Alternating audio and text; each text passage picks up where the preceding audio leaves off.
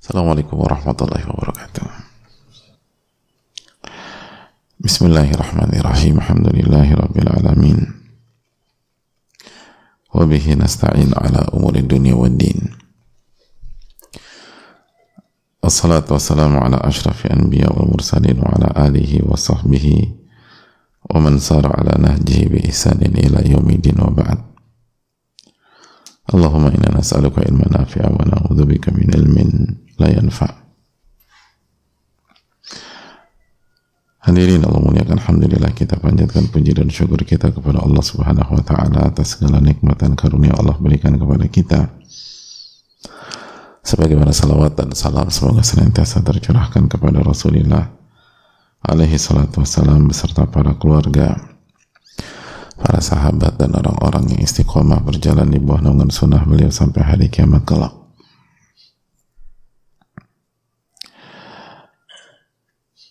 Hadirin Allah muliakan. Alhamdulillah kita bersyukur kepada Allah Subhanahu wa taala atas nikmat yang Allah berikan kepada kita. Dan nikmat Allah itu sangat banyak. Wa in ta'udu ni'matallahi la tuhsuha dan jika kalian menghitung-hitung nikmat Allah kalian tidak akan mampu bisa menghitungnya. Tapi manusia yang zolim, manusia yang kufur nikmat, manusia yang senantiasa melihat dari angle yang negatif, dari angle yang merugikan. Padahal kalaupun itu merugikan, tapi di tengah-tengah hal yang tidak kita sukai itu banyak nikmat dan kemudahan dari Allah Subhanahu wa taala. Inna ma'al usri yusra. Sesungguhnya bersama dengan satu kesulitan ada kemudahan-kemudahan. Tapi begitu ada kesulitan hidup kita konsentrasi dan fokus pada kesulitan tersebut. Sehingga kita lupa bahwa di waktu yang sama ada banyak kemudahan, ada banyak kenikmatan, ada banyak hal-hal uh, positif yang Allah berikan kepada kita. Yang kalau Allah cabut atau Allah kurangi saja baru kita sadar bahwa nikmat ini jauh lebih besar daripada banyak kesulitan kita pada hari yang sama atau pada detik yang sama atau pada waktu yang sama dan kita fokus untuk mendapatkan kembali kenikmatan yang Allah kurangi itu.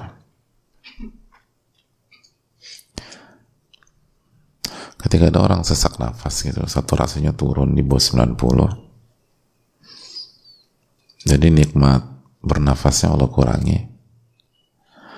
Itu semua masalah hidup yang lain itu jadi hilang hadirin. Gak ada artinya. Dan kita akan fokus menormalkan kembali pernafasan kita. Jadi semua hal-hal yang dianggap besar itu di hari itu itu bisa jadi bisa jadi semuanya itu jadi kecil. Paling saturasinya turun terus 89, 88, 87, 86, 85, 84. Udah yang lain tuh gak ada artinya. Gitu. Itu baru Allah turunkan aja dari saturasi di atas 95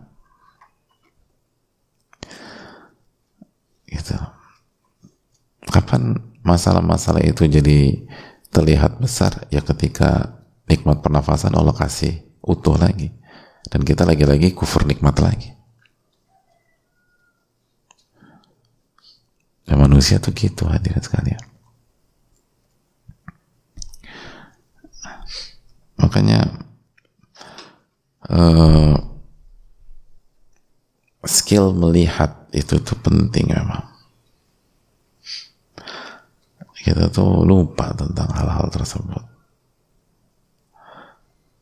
Seni melihat itu tuh mahal dalam Islam. Dan salah satu peran dan fungsi ilmu itu mengajarkan kita itu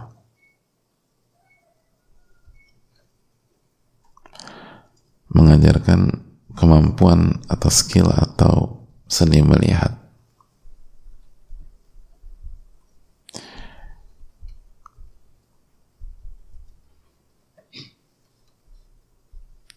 Dan kita tuh sering kali nggak sadar tentang hal itu.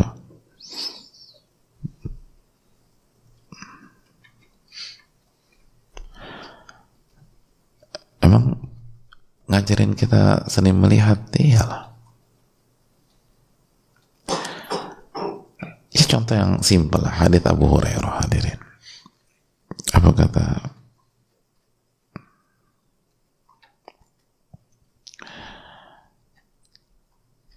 Apa kata Nabi Sallallahu Alaihi Wasallam? Unzuru ila man huwa asfala minkum. Lihatlah ke orang atau ke pihak yang di bawah kamu secara dunia. Wala tanzuru ila man huwa fawqakum dan jangan kalian melihat orang yang lebih tinggi dari kalian secara dunia.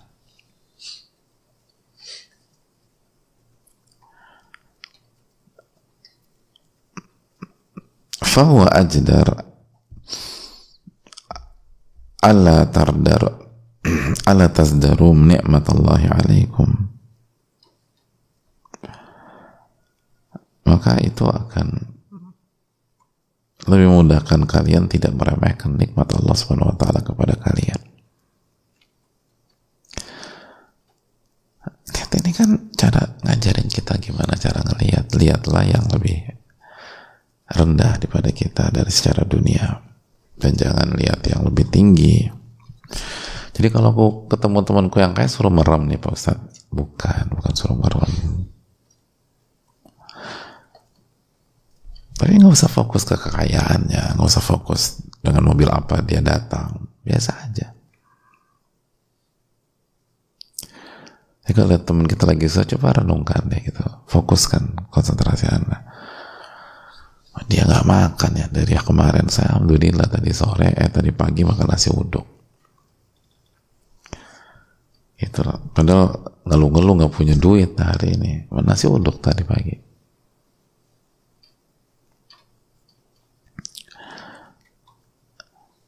dia dari kemarin tuh nggak punya makanan. Akhirnya kita nggak akan meremehkan nasi uduk pakai tempe itu. Walaupun kita tadi pagi nggak bisa untuk eh, nggak uh, bisa pakai ayam gitu. Nggak bisa pakai ayam nggak bisa pakai telur. Nggak bisa pakai apa? Apa sih? Semur jengkol anak anak ya gue nggak bisa pakai cuman mentok-mentok nasi tempe orek gitu tapi ketika kita ngelihat ternyata ada teman kita yang nggak makan dari kemarin benar-benar nggak punya uang jangankan nasi uduk bawang gorengnya aja nggak mau beli dia itu kan jadi kita banyak nggak meremehkan nikmat Allah Subhanahu Wa Taala. Jadi memang rugi orang yang nggak belajar hadirin sekalian. Orang nggak belajar tuh nggak akan bisa melihat kenikmatan Allah. Dan kalau ngelihat juga rabun, kabur dah. Remeng-remeng. Dan kalau udah begitu tuh nikmat, hidupnya tuh sedih aja terus yang jadi orang paling apa sedunia padahal dia dapat ini dapat itu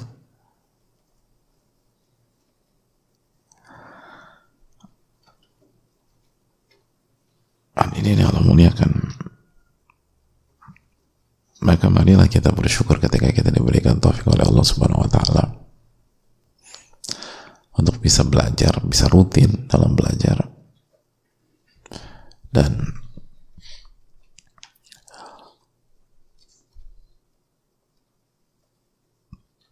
bukan satu dua hari, bukan satu dua pekan, bukan satu dua minggu, bukan satu dua bulan, tapi terus gitu loh.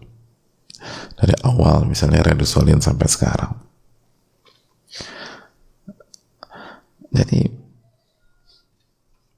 ini adalah hal yang sangat mahal dan sangat mewah untuk kita. Semoga kita dijadikan atau diberikan taufik oleh Allah untuk menjadi hamba yang bersyukur, hamba yang pintar dalam melihat nikmat-nikmat Allah Subhanahu wa taala yang bertabur di tengah-tengah kehidupan dan keseharian kita. Dan bukan fokus pada masalah besar atau masalah walaupun besar. Karena setiap kendala pasti ada kemudahan cuman kita nggak ngelihat aja udah gitu karena kita nggak ngelihat kita suudon sama Allah terus komplain sama Allah. Tambahlah berantakan tuh hidup. Karena orang-orang yang baik buruk sangka sama Allah Allah ancam adab kan. Alaihim dairatus saw kata Allah. Ya hidupnya tuh di lingkaran keburukan aja. Kenapa? Buruk sangka sama Allah. Kenapa buruk sangka? Ya itu.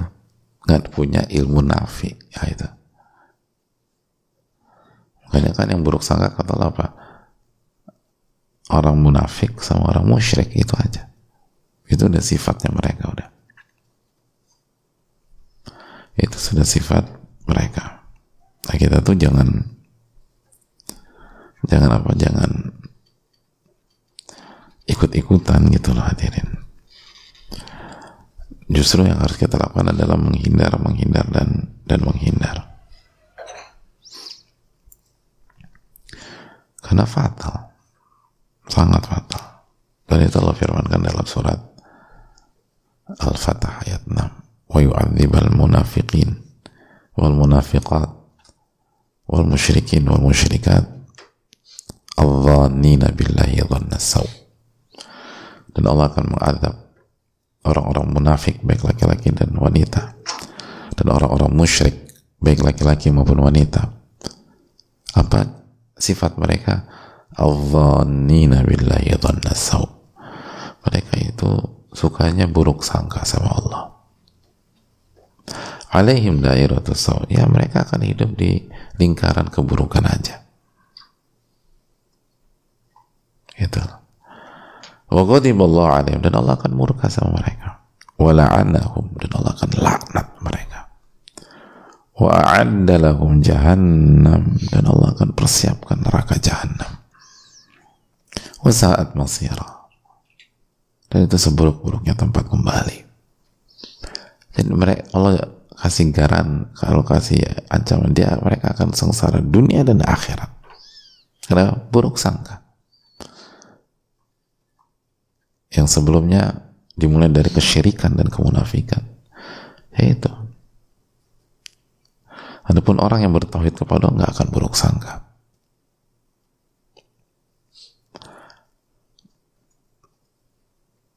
Tapi memang nggak mudah karena ini bukan tentang tentang logika semata. Ini tentang iman hadirin. Ini tentang ilmu nafi Semoga Allah memberikan taufik kepada kita. Amin ya rabbal alamin. Yang berikutnya sebelum kita buka sesi diskusi, uh, manfaatkan hari-hari terakhir di bulan Al-Muharram ini, hadirin.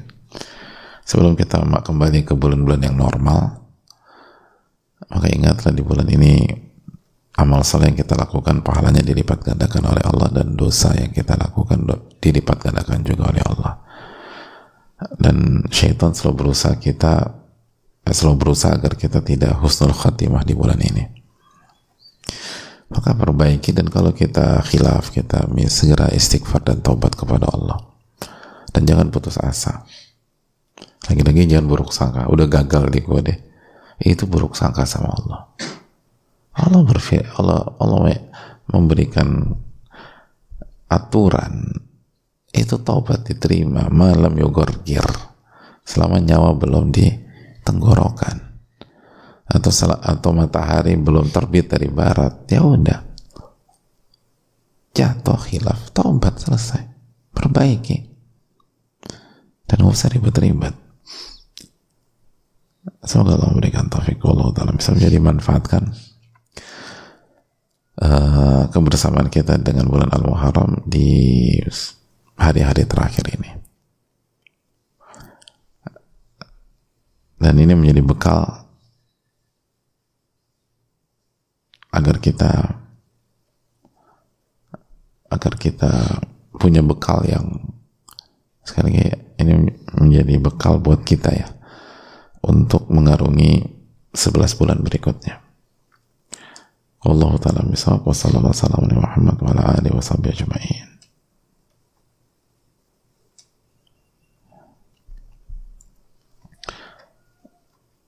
Uh, Bismillah, Assalamualaikum warahmatullahi wabarakatuh. Waalaikumsalam warahmatullahi wabarakatuh. Semoga Ustadz keluarga selalu dalam lindungan Allah Subhanahu wa taala. Amin ya alamin. Izin bertanya Ustadz terkait kajian Jumat pagi mencela orang tua. Apakah termasuk mencela orang tua jika anak-anak ketika bermain memanggil nama bapaknya bukan nama anaknya? Terima kasih Ustadz. Iya, terima kasih atas pertanyaannya. Inilah hadirin Allah muliakan. Nabi kita alaihi salatu kan mengatakan apa? Laisa minna man lam yuwakir kabirana wa yarham sagirana wa ya'lam li'alimina haqqa. Bukan bagian dari kami kata Nabi SAW. Orang yang tidak memuliakan yang lebih tua dan tidak menyayangi yang lebih muda dan tidak tahu hak dari ahli ilmu, hak dari orang yang punya ilmu. Kata Nabi SAW, bukan dari kami. Nah pertanyaannya simpel.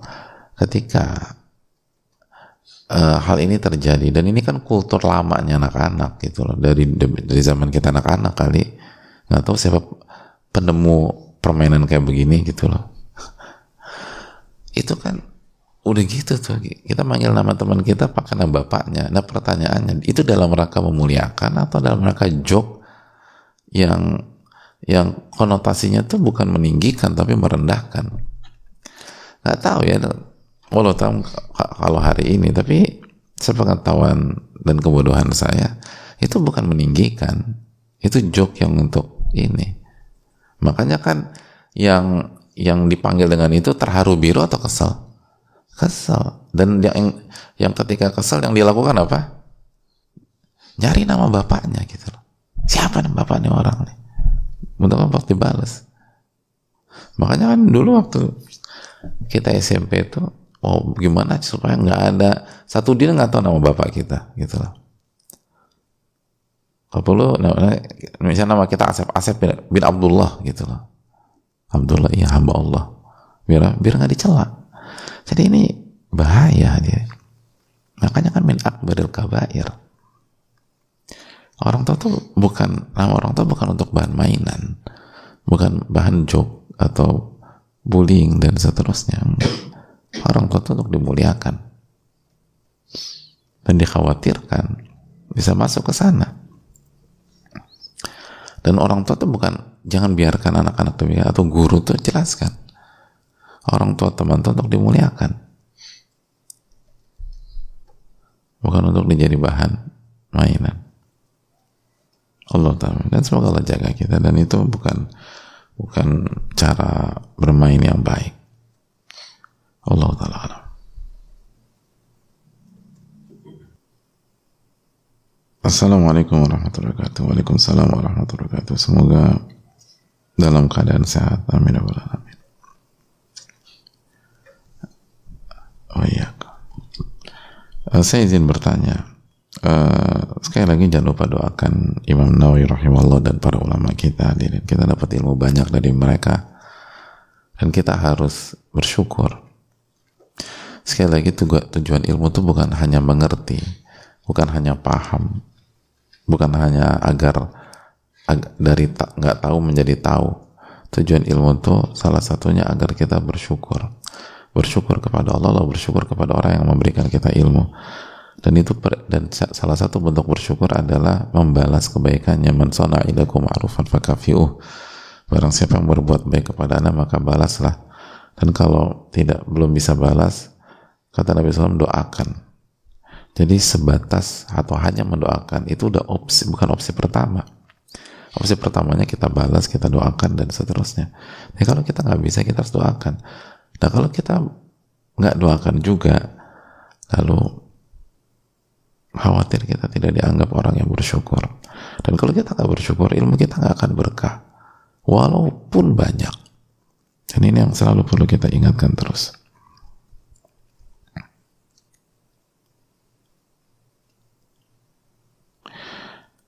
uh, ini masalah iman saya yang hampir saja rusak. Naudzubillah. Ayah saya sering bilang masuk neraka kamu setiap kali saya, istri, bahkan ibunya salah di mata dia. Saya mengakui salah, saya salah, tapi ketika saya berbuat salah kepadanya sering sering beliau bilang masuk neraka kamu. Atau kamu mau masuk neraka, dipanggang bolak-balik. Bahkan saya tidak sengaja tetap dibilang masuk neraka kamu. Saya berpikir jika apa yang ayah saya katakan dikabulkan Allah buat apa saya tetap Islam Bahkan tidak ada bedanya menjadi non-muslim yang sudah pasti masuk neraka. Yang pertama, pertama minta pertolongan kepada Allah dan minta ilmu nafi. Nah, itu tadi ilmu nafi salah satunya pandai bersyukur. Yang berikutnya, lau salam najadalan. Kalau anggap aja kekhawatiran seperti ini benar, anggap aja benar, anggap saja benar. Itu apa uh, bottom line-nya anggap saja benar. Tetap aja beda antara orang Islam dengan yang enggak gitu loh. Kalau memang dimasukkan ke neraka. Karena orang yang masih beriman itu tidak selama-lamanya sebagaimana yang Allah dan Rasulnya sampaikan dari banyak dalil dan keterangan para ulama khususnya di dalam buku-buku akidah. Itu. Adapun yang nggak beriman selama-lamanya baca aja surat al-bayyinah kan gitu. Khalidina fiha. Selama-lamanya jadi silakan baca surat al-bayyinah. Jadi anggap aja kekhawatiran ini benar. Tetap aja nggak ada nggak ada. Terlalu jumping terlalu jauh. Kalau buat apa kalau gitu saya beriman? Lo nggak ada urusannya mas gitu. Ini ini permainan syaitan. Dan jumpingnya terlalu jauh gitu. Karena beda. Itu kalau benar dan kalau kita, nah sekarang baru kita masuk dan apakah benar? Enggak, insya Allah Ta'ala. Bukan seperti itu. Nabi kita alaihi salatu mengatakan dalam dalam hadis Abu Sa'id al-Khudri ma min muslimin yada'u bidakwatin tidaklah ada seorang muslim berdoa dengan sebuah doa. Laisa fiha ithmun wala qati'atu rahim ila ata'allahu ihda thalatha. Tidaklah seorang muslim itu berdoa dan dalam doanya tidak ada unsur haram dan tidak ada memutuskan tali silaturahim. Tidak ada kezoliman. Tidak ada memutuskan hubungan tanpa hak maka Allah akan memberikan Allah akan kabulkan doanya dengan satu dari tiga cara gitu. Jadi syarat dikabulkan itu nggak ada dosa dalam doa tersebut. Nggak ada kezoliman. Nggak ada memutuskan hubungan silaturahim. Jadi dalil tentang doa orang tua diijabah itu bukan secara mutlak kalau secara mutlak ya repot semuanya hadirin.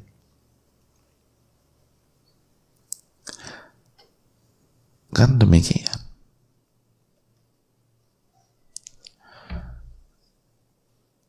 Nanti ada orang masuk Islam terus karena diancam didoain sama orang tuanya ini balik lagi nanti. Jadi harus ada syarat beriman gitu loh. Gak ada unsur dosa. Nah, salah satu bentuk kezoliman adalah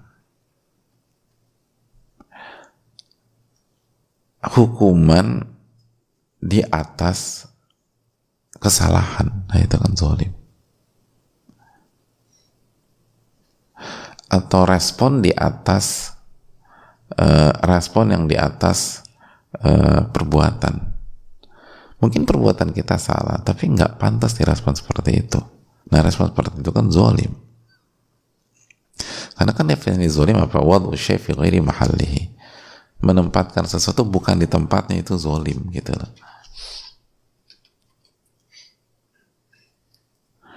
Ada anak melakukan kesalahan kecil terus langsung masuk neraka loh. Eh ini kesalahannya apa? Pantas nggak di direspon dengan seperti itu? Kalau nggak tepat, itu kalau dolim nggak berlaku. Karena kalau doa yang ada unsur dosa dan kezaliman berlaku, ya repot hadirin.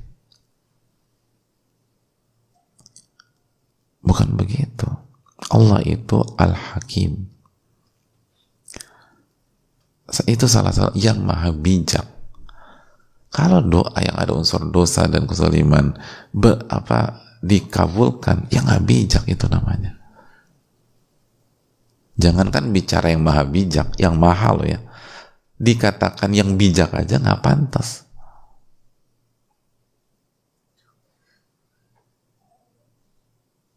Doa itu kan permintaan gitu loh.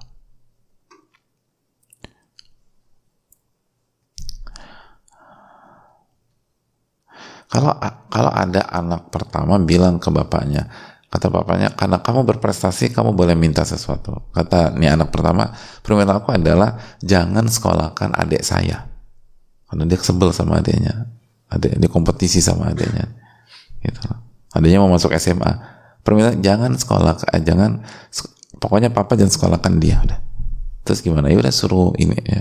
Atau permintaan usir adik saya. Ya repot kan. Kalau dikabulkan itu permintaan, kira-kira menurut hadirin, ini pap, ini ayah, bijak apa enggak? Makanya indahnya Islam itu Nabi SAW mengatakan mamin muslimin yada'u bida'watin. Tidaklah seorang muslim berdoa meminta dengan sebuah permintaan. Mutlak enggak? Laisa fiha ithmun. Enggak ada dosa dalam permintaannya. Wala atau rahim dan tidak memutuskan hubungan tidak memutuskan hubungan silaturahim baru dikabulkan itu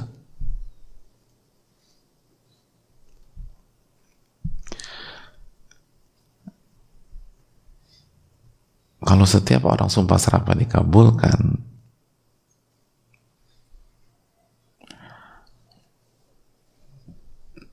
ya repot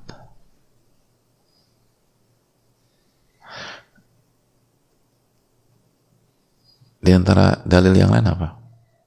Masih ingat nggak ketika Nabi SAW mengumpulkan keluarga besar beliau untuk diajak beriman, bertauhid dan masuk Islam? Lupa, ingat kejadian itu? Ada di sana? Ya enggak, kita baca buku sejarah. Terus direspon positif apa enggak? Enggak kan? Dan yang pertama kali merespon siapa tuh? Paman beliau Abu Lahab. Terus apa yang dikatakan Abu Lahab? Hanya sebatas walk out keluar dari forum. Kan sumpah serapa. Taban laka celaka engkau wahai Muhammad. Didoain celaka. Orang mendakwakan iman mendakwakan tauhid didoakan celaka celaka engkau wahai Muhammad terus dikabulkan gitu sama Allah. Karena doa karena doa paman gitu. Paman kan orang tua juga. Doa orang tua tuh diijabah. Oh, udah celaka udah. Secara mencatat mana Nabi SAW celaka hadirin? Terus kita tahu bersama-sama alih-alih celaka Allah yang membalas. Sumpah serapa itu dengan tabat yada abi lahabi wa tab justru tabat siada tangannya Abu Lahab itu yang celaka. Dan bukannya tangan semua dia akan celaka. Kata Allah SWT ma'akna anhu maluhu wa makasab uangnya, kedudukannya apa yang dia perjuangan gak ada gunanya gak ada gunanya. Ma'akna anhu maluhu wa makasab saya selana dia akan masuk ke neraka yang menyala-nyala apinya. Ini dalil. Oh doa atau permintaan sumpah serapa yang yang nggak benar, yang ngawur, yang nggak jelas, yang itu nggak berlaku. Allah tuh akamul hakimin. Kita yang baca alaihissallahu bi ahkamil hakimin. Allah maha pemutus yang maha bijak hadirin. Allah Ta'ala bisa.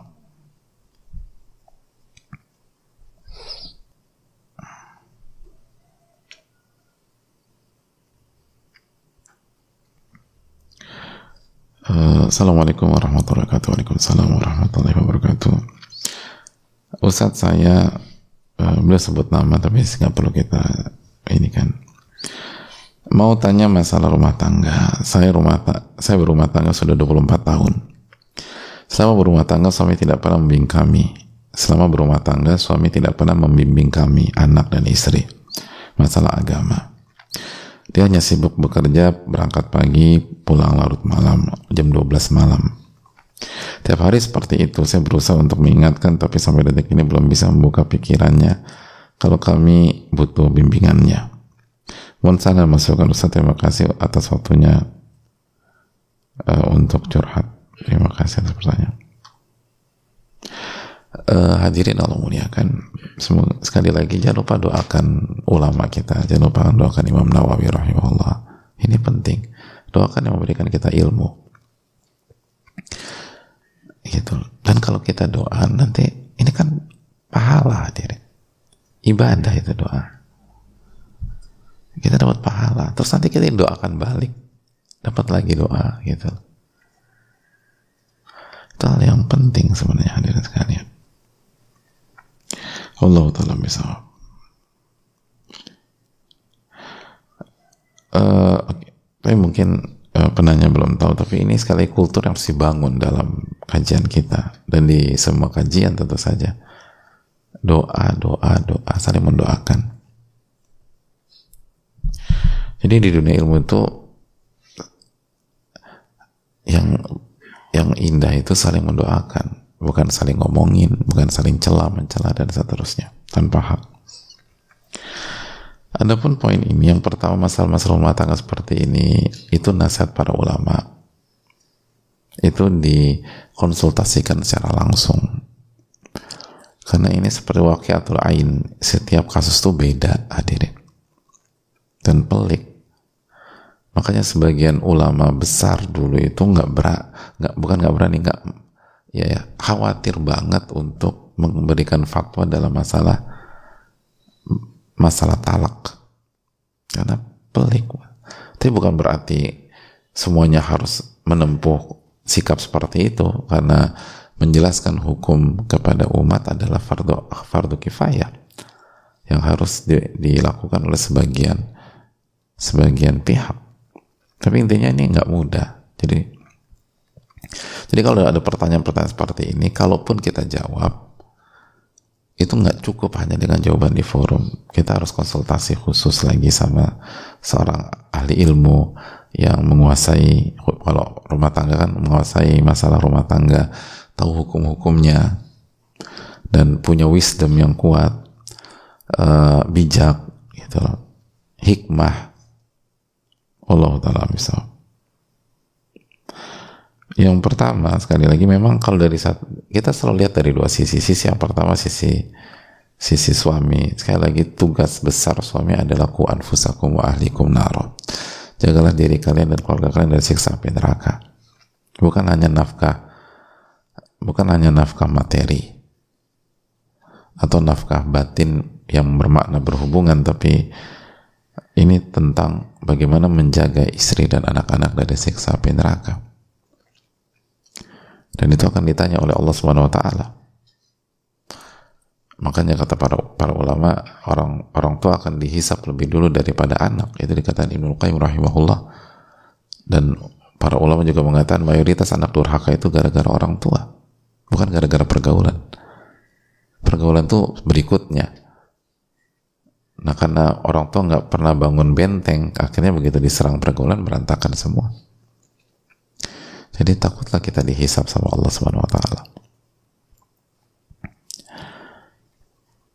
Dan ketika kita memutuskan menikah dengan seorang wanita itu artinya kita mengatakan siap untuk membimbing, membina, mendidik dan dan memperjuangkan akhirat dia. Itu tidak boleh kita mendolimi istri kita, menyakiti dia atau mengikuti semua hawa nafsu istri kita, mengikuti keinginan istri kita yang akhirnya bawa kita ke neraka juga. Artinya itu PR harus bawa istri ke memperjuangkan istri ke surga. Makanya nggak mudah kan menikah. Ketika laki-laki memutuskan saya akan menikah itu berarti saya mengambil tanggung jawabku anfusakum ahlikum naro. Itu itu berat hadir. Dan minta pertolongan kepada Allah Subhanahu wa taala. Adapun dari sisi istri, coba evaluasi diri dulu. Coba evaluasi diri dulu.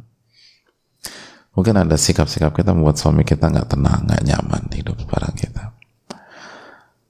Karena tugas, eh, apa tujuan salah satu salah satu tujuan utama Allah ciptakan wanita apa litas kunu ilaiha agar agar kalian hidup tenang bersama istri kalian hidup tenang jadi tugas seorang wanita adalah memberikan kenyamanan hidup.